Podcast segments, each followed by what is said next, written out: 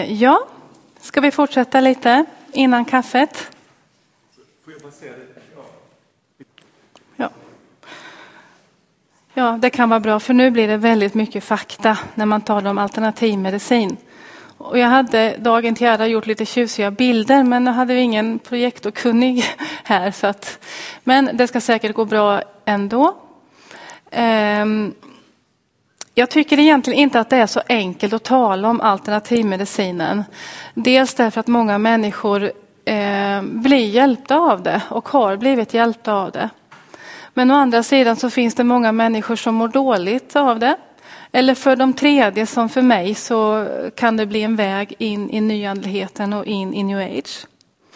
Och det jag säger här, det vill jag inte säga för att varken döma eller fördöma någon eller något, utan jag vill bara lämna någon sorts varudeklaration.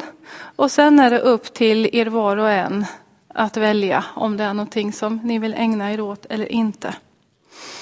För det är väldigt svårt att skilja ut vad som är new age och vad som är alternativmedicin.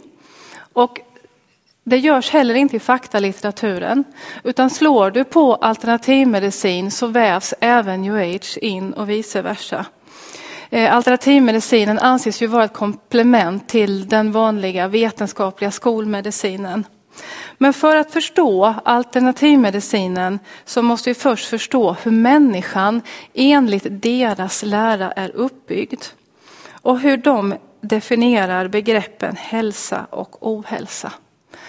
Inom alternativmedicinen så är människan en energivarelse med olika energifält runt sig. Någonting som också kallas för auran. Auran omger hela kroppen och består av sju olika fält i olika färg. Och varje fält och färg är i sin tur sammankopplad med var sitt chakra. Vi har sju stycken chakra som sitter från svanskotan upp till hjässan.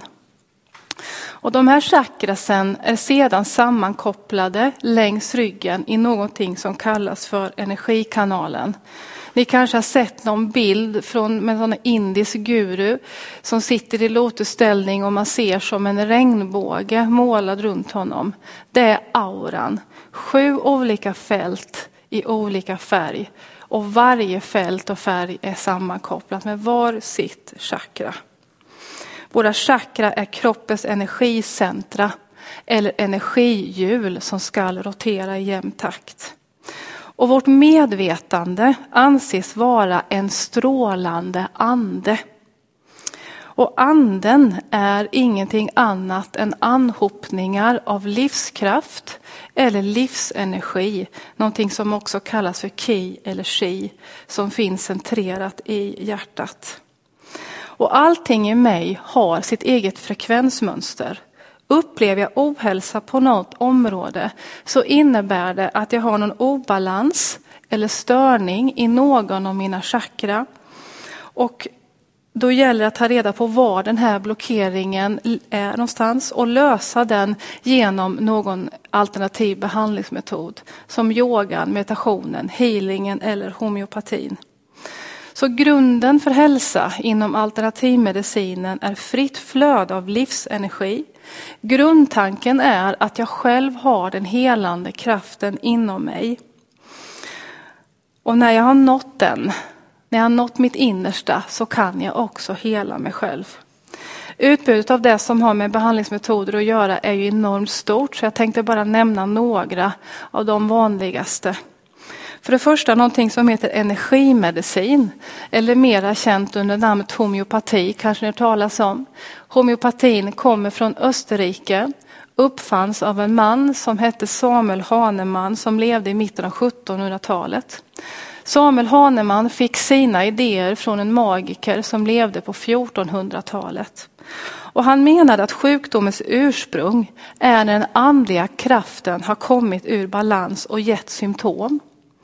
Behandlingen handlar om att man ska få tillbaka den här andliga balansen och om att lika bota lika.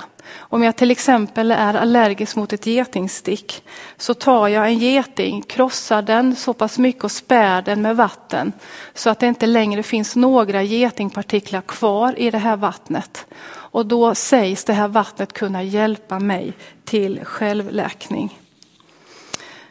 Under alternativmedicinen när det gäller den psykiska hälsan så finns självhjälpslitteraturen men även det som vi, har mött, som vi i Sverige möter som i heminredningen som heter feng shui eller feng shui. Är man östgöte säger man feng shui. Jag vet inte hur man säger det här i Västergötland.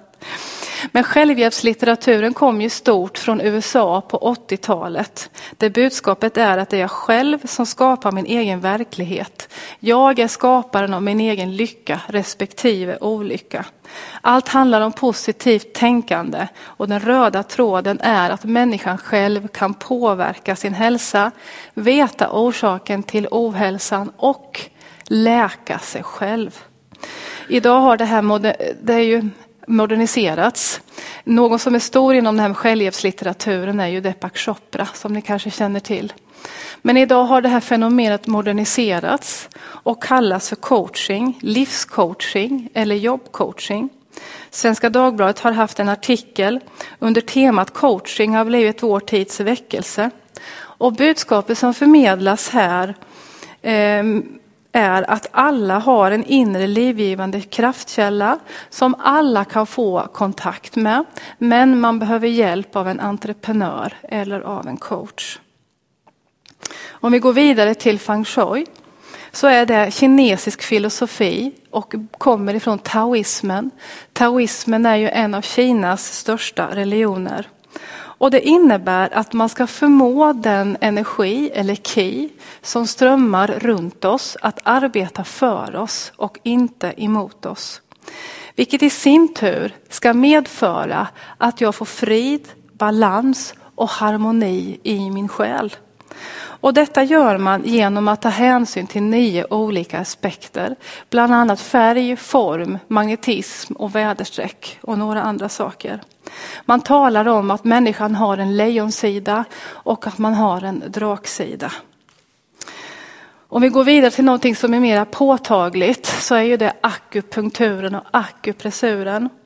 Det är också kinesisk medicin, nålstick som aktiverar kroppens produktion av smärtstillande ämnen eller som blockerar smärtimpulser till det centrala nervsystemet. Och när det gäller akupressur så trycker man ju på de här punkterna istället. Bygger också på kinesisk filosofi som jag sa, mellan universums urkrafter. Och universums urkrafter det som står bakom akupunkturen är yin och yang. Vi kanske har sett den här symbolen som är vit och svart. Eh, och de här universums urkrafter ska vara i balans. Man talar också om fem element, eld, jord, metall, vatten och träd.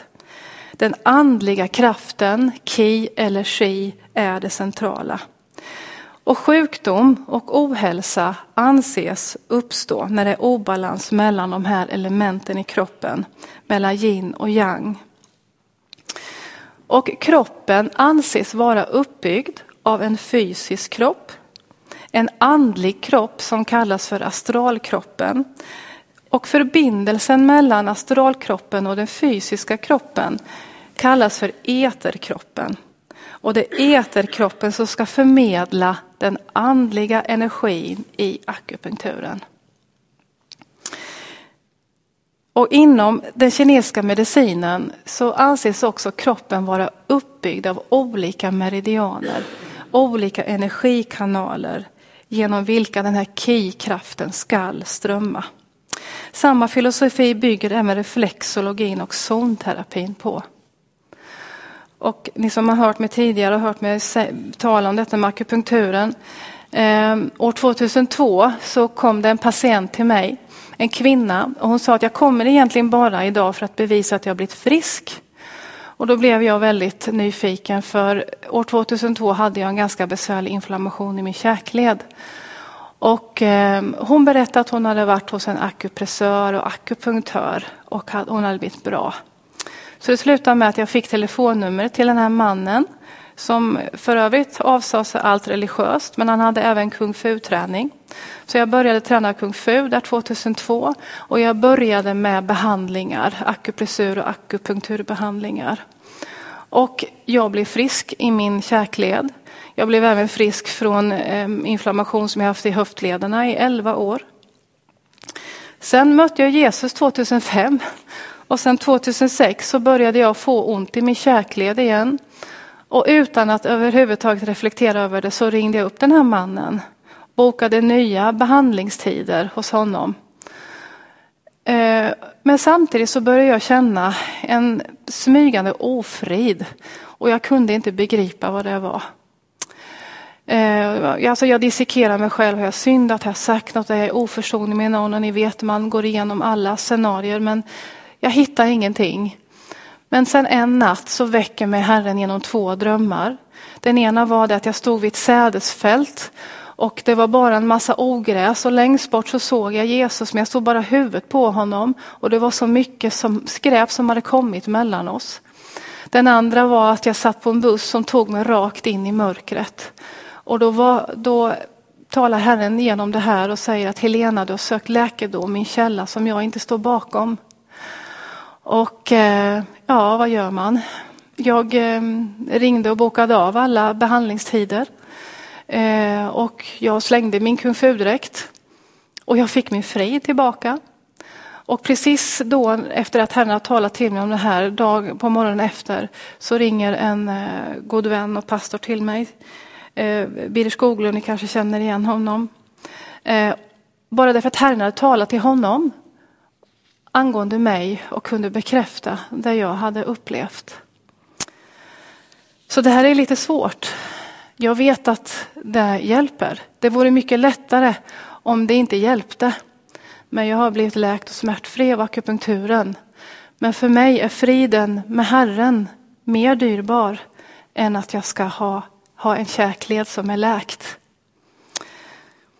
Om vi går vidare till spikmattan eller shaktimattan som var årets jul, julklapp. Det är väl ganska så många år sedan nu. Men det är ett gammalt verktyg med rötterna inom den indiska mysticismen. Användes ursprungligen av yogis, det vill säga manliga yogautövare.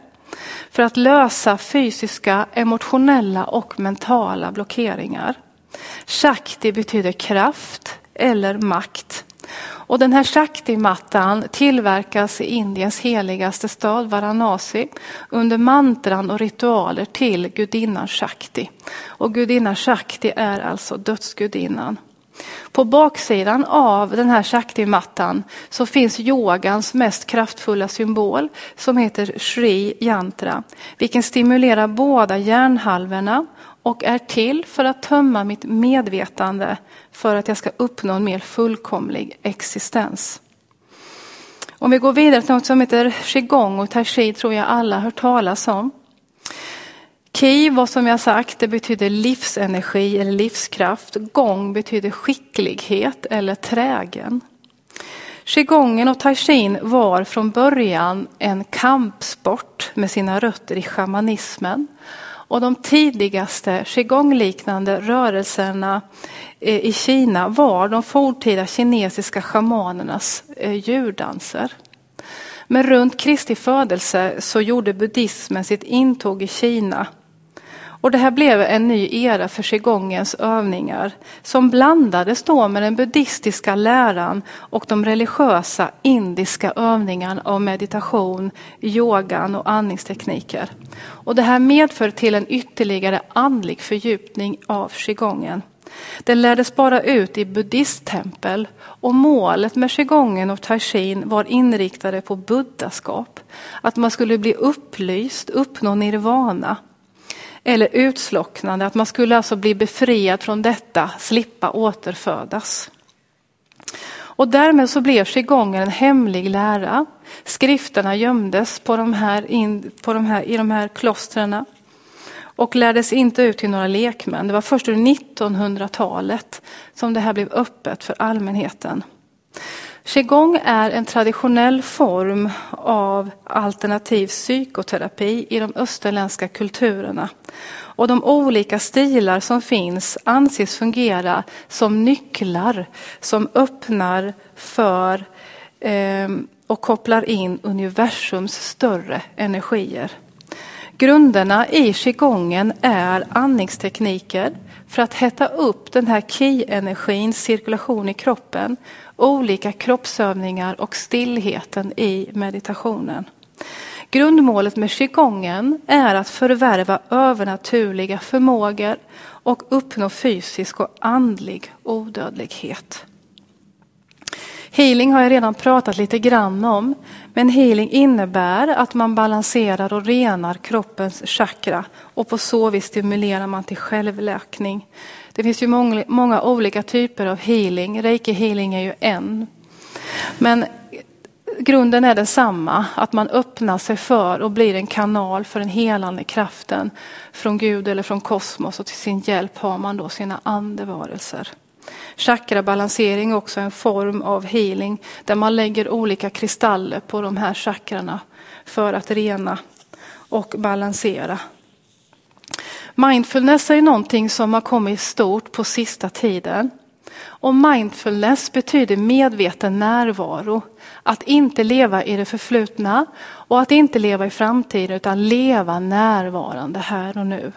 Och det låter ju enkelt men det kräver lite träning. Och träningen är med regelbundna meditationsövningar. Och de österländska buddhisterna står som frågande hur vi som västerlänningar som inte är buddister kan utöva mindfulness-meditationen, vilket för dem helt och hållet är andligt och leder varje utövare in i ett buddhistiskt tankesätt. Mindfulness är en meditationsteknik från zen-buddhismen. Zen-meditation innebär enhet med alltet. Och en av mindfulness-konceptets pionjärer i Sverige heter Ola Schenström. Han skriver att meningen med mindfulness är att hitta buddha-naturen inom sig eller att bli en buddha. Och Buddha menar att varje människa måste själv komma fram till att man inte har något jag eller någon självständig individuell existens, att allt liv är en illusion, ett lidande och att sinnesintrycken och känslorna måste undantryckas och förnekas. Ledorden inom mindfulness och buddhismen är de samma och det är tomhet, tomhet i sinnet. Och till sin hjälp så använder man sig av mantran, andning, andningsbön eller tystnad. Och ordet mantra betyder ordagrant översatt befrielse från tankar. Och att använda sig just av mantra är ju vanligt inom alla former av yoga och meditation. Den vanligaste och mest kända mantrat är bokstavskombinationen OM, eller A-U-M som det också heter. Om är helig både för hinduer och för buddister. Därför att de här tre bokstäverna står för tre gudar.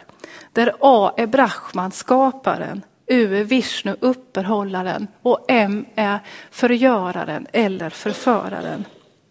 Det finns ju många, många flera mantran, men bakom alla så är hinduiska och buddhistiska gudar representerade.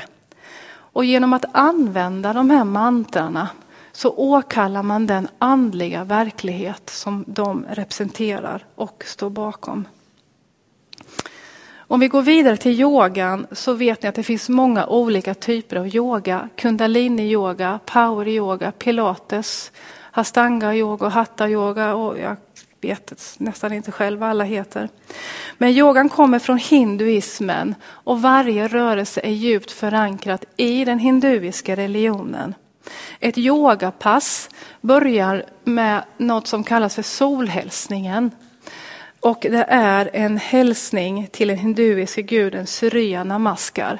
Det är 13 olika rörelser som man gör ihop med ett mantra som betyder prisat vare du, du skaparen av liv och vice versa. En hyllning till solguden. Yogan är människans väg till gudomliggörelse och genom andningstekniker och rörelser så ska jag dö bort från alla sinnesförnimmelser och känslor. Få mina chakran balanserade och renade så att den här livsenergin kan strömma fritt i mig för att jag till sist ska förenas med en osynlig kraft i universum. Men till varje chakra, vi hade ju sju stycken chakra som var längs ryggen, så hör ett gudapar.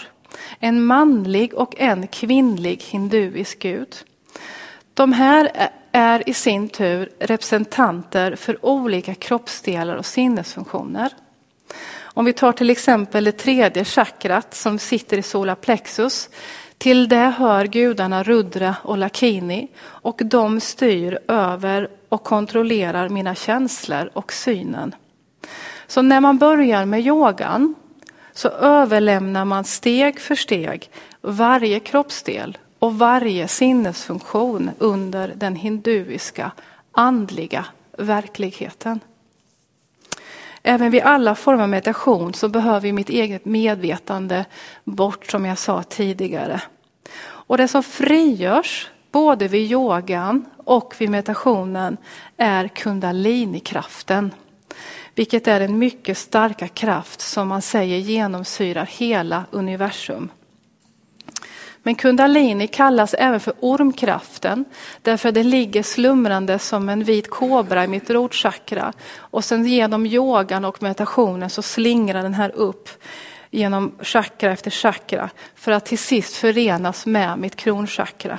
Och när den gör det, då anser man att man har uppnått upplysning. Och det här är detsamma som i Oannesblessingen. När kundalini-ormen har kommit upp i mitt kronchakra, då är jag mogen och kan ta emot den här Oannesblessingen. Kundalini kallas även för livskraft eller sexkraft då gudinna Shakti avbildas som en orm slingrar sig upp och förenas med guden Shiva. Och som jag sa så är de här yogan och meditationen avsiktligt utformade för att väcka denna kundaliniorm inom mig. Men kundalini-energin aktiveras även genom qigongen, taishin, spiritismen, reiki-healingen eller frigörande andning. Alla andliga övningar där man försöker överskrida gränsen i den andliga världen öppnar för kundalini-energin. Inom profan litteratur så finns det mycket varningstexter när det gäller just kundalini-yoga och kundalini-energin. Den här är stark och kan man inte hantera den så kan man drabbas av något som heter kundalini-resning med olika fysiska, psykiska symptom som svår huvudvärk, ormlika rörelser, skakningar, ryckningar, ljushallucinationer, ljudhallucinationer. Psykisk ohälsa är vanligt, psykos bland annat. Det ringde en ung tjej till kyrkans expedition, 21 år gammal, som hade börjat med yoga på Friskis och Svettis. Och efter en tid så hade hon känt att det var någonting som krälade längs hennes ryggrad. Hon hade ingen aning om det här som jag talar om för er här idag. Men hon hade hört mitt vittnesbörd och undrade om jag kände till det. Vi fick möta den här tjejen, eh, jag och eh, Sven-Olof, min pastor. Och för det första fick hon ta emot Jesus som sin Herre och Frälsare och bli befriad från denna kundalini-orm. Eh, den hade ställt till mycket problem i henne. Hon hade drabbats av psykisk ohälsa. Idag är hon helt frisk och hon, har, hon är utbildad, hon har kunnat utbilda sig och arbetar idag. Ja, precis som vanligt. En annan kvinna ringde också till eh, kyrkan och berättade att hon också hade en orm som, längs ryggen som eh, gjorde att hon hade mycket svår huvudvärk och hade ont i ena skuldran. Den här kvinnan hon hade varit häxa. Eh, men det hade hon avsagt sig, men hon hade fortfarande problem av denna kundalini-orm. Och där fick vi, ja, där fick vi jobba med henne ett tag, eller Herren, det är ju bara, det är bara Jesus som kan befria här. Men idag så är hon också fullkomligt befriad och tjänar i lovsången i en församling. Och vi som och talar om det här upplever att det här är ett problem som växer med symptomen av den här kundalini-energin när yogan blir allt vanligare. Ehm, Idag har vi alltså kristna kursgårdar som erbjuder kundalini-yoga. Och på en av de vanligaste kristna kursgårdarna så står det på hemsidan att man får inte läsa Bibeln medan man är där.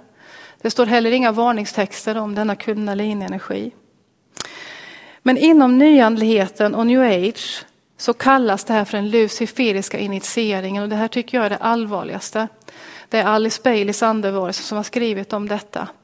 Att det läggs en täckelse eller slöja över sinnet och man blir förblindad.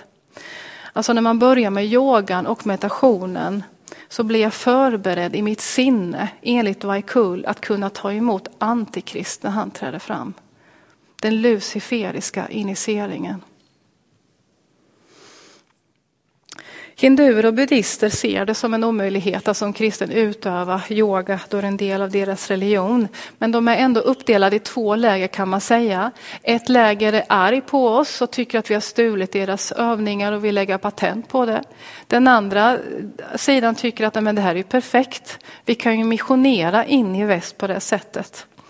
1893 så höll religionernas världsparlament en konferens i Chicago och det här var dörröppnaren för yogan, TM och scenmeditationen in här i väst.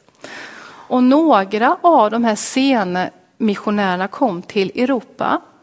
Och med dem så kom också scenmeditationen och den kristna djupmeditationen till Sverige. Redskapet för det här var Hans Hof och han började praktisera det här uppe i Rättvik. Han har skrivit en bok tillsammans med Wilfrid Stinnesen som heter Meditation och mystik. Och där skriver de så här att transcendental meditation, scenmeditation och kristen djupmeditation är variationer av samma grundform. Det vi finner renodlat och systematiserat i sen, återfinns, återfinns i nästan alla detaljer inom västerländska kristna former av kontemplation. En annan man som heter William Johnston som är mystiker och kristen meditationsledare. Han har kurser i kristen djupmeditation uppe i Rättvik han också. Han har skrivit en bok som heter Mystik för en ny tid. Och i den så skriver han att den heliga ande är källan till kundalini. Om vi går till den här kontemplationen. Kontemplation är en viktig del i den kristna djupmeditationen. Kontemplationen är en inre ordlös bön där jag tömmer mitt medvetande, söker mig in i min innersta kärna, min inre gudagnista för att i stillhet betrakta det gudomliga. Att jag är ett med alltet, att Gud är i allt, jag har bara inte förstått det. Det är det som är ledorden i kontemplationen, att jag är ett med alltet, att Gud är i allt, jag har bara inte förstått det. Här är det också vanligt att man använder sig av mantra men man kallar det istället för böneord. Men syftet och resultatet blir ändå detsamma. Att få mina egna tankar att sättas åt sidan. Här finns det en risk att jag öppnar mig för röster som inte kommer från Guds rike. Vart i Bibeln läser vi att vi ska andas ut vår synd, att vi ska andas ut vår fruktan. Det här är att i egen kraft försöka lösa problem som bara kan lösas genom Jesu försoningsstöd på Golgata kors. Kontemplationen uppstod bland ökenfäderna som levde i Mellanösterns, Mellanösterns kloster och vildmarker. Och deras tro var en sammanblandning mellan kristendomen och gnosticismen. Det vill säga att man genom hemlig kunskap kunde få kontakt med Gud. Tekniken är densamma som inom de österländska religionerna. Men man menar att så, så länge det fanns en ärlig längtan att nå Gud så var medlen att nå honom ointressanta.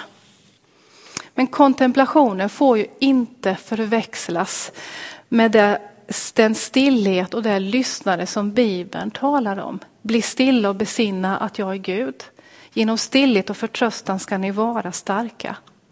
Och det finns väl ingen tid som är så viktig som nu, när det är så många olika röster och den andliga förvirringen, man kan tycka att den är total.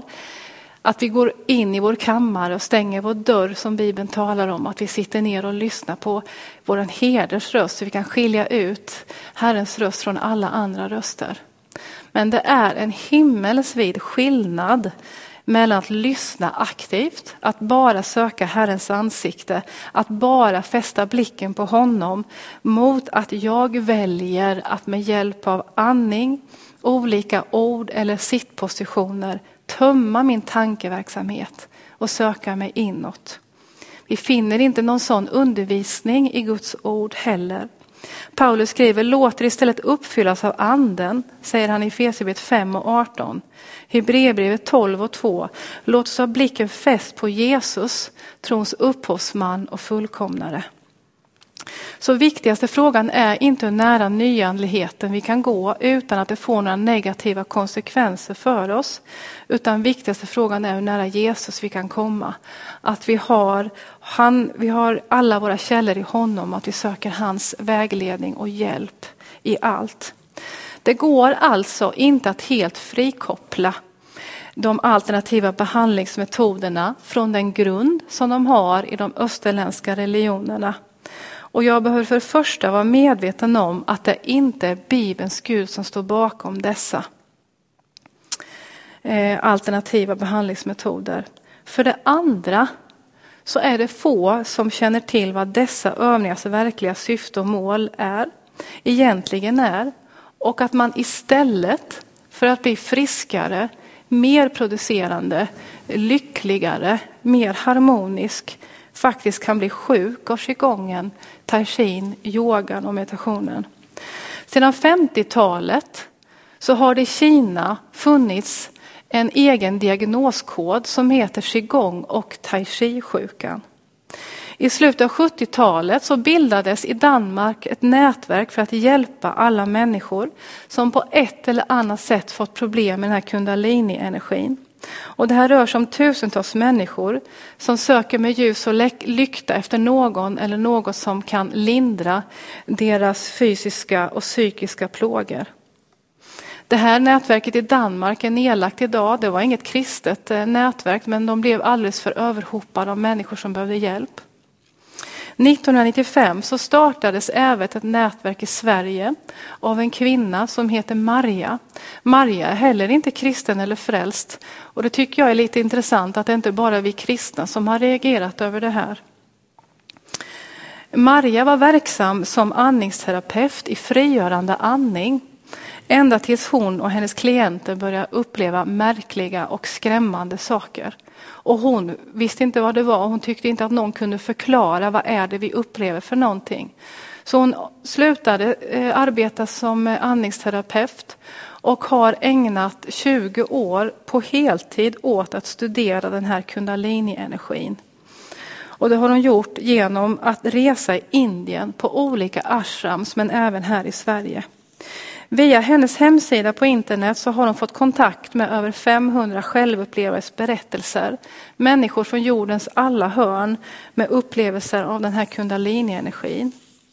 Idag så är hennes eh, nätverk nedlagt på grund av, som hon skriver själv, att hon blev överhopad med samtal bittid och sent från förtvivlade människor. Det blev helt enkelt för mycket för henne. Men hon har sin hemsida kvar och eh, hennes hemsida hade gjort en snygg bild på den, men jag kan säga nu att eh, Kundalini kortslutningar, risker och information kan man gå in på. Eller så kan man söka på qigong och tai, tai chi-sjuka och komma till den här hemsidan. För förutom alla de här eh, människornas vittnesbörd, om man nu får säga så, så finns det ganska så många vetenskapliga artiklar på den här hemsidan från olika läkartidningar. En handlar om stroke och qigong som är från universitetet i Hongkong från 2001. Man trodde från början qigong sänkte blodtrycket, men det har visat sig vara motsatt effekt. Den här ki-energin gör att blodtrycket ökar och man, får, alltså man kan lättare drabbas av stroke. En annan intressant artikel är från vår svenska läkartidning och den är från 1984. Den handlar om meditations och yogapsykos och är skriven av överläkare Bo Gunnar Jonsson. Han är pensionär nu men han jobbade på Lillhagens sjukhus i Göteborg. Han hade studerat nio fall av någonting som kallas för meditationspsykos. Patienter utan någon som helst psykisk bakgrund som efter att ha ägnat sig åt yoga, meditation, qigong, tai chi eller frigörande andning hade utvecklat ett sjukdomstillstånd som var nytt och som ingen medicin, medicin vet på. Han skriver så här. Jag har arbetat på sjukhus i 20 år och har aldrig tidigare sett några psykiska eller hysteroida tillstånd som liknar det här. Det ser ut som ett psykotiskt tillstånd och då brukar psykofarmaka hjälpa. Men i de här fallen har de tydligen ingen effekt alls.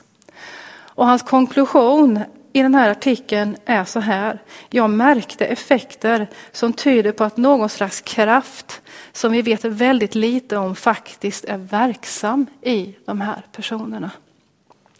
Och jag tycker personligen att det är väldigt tragiskt att läsa det här.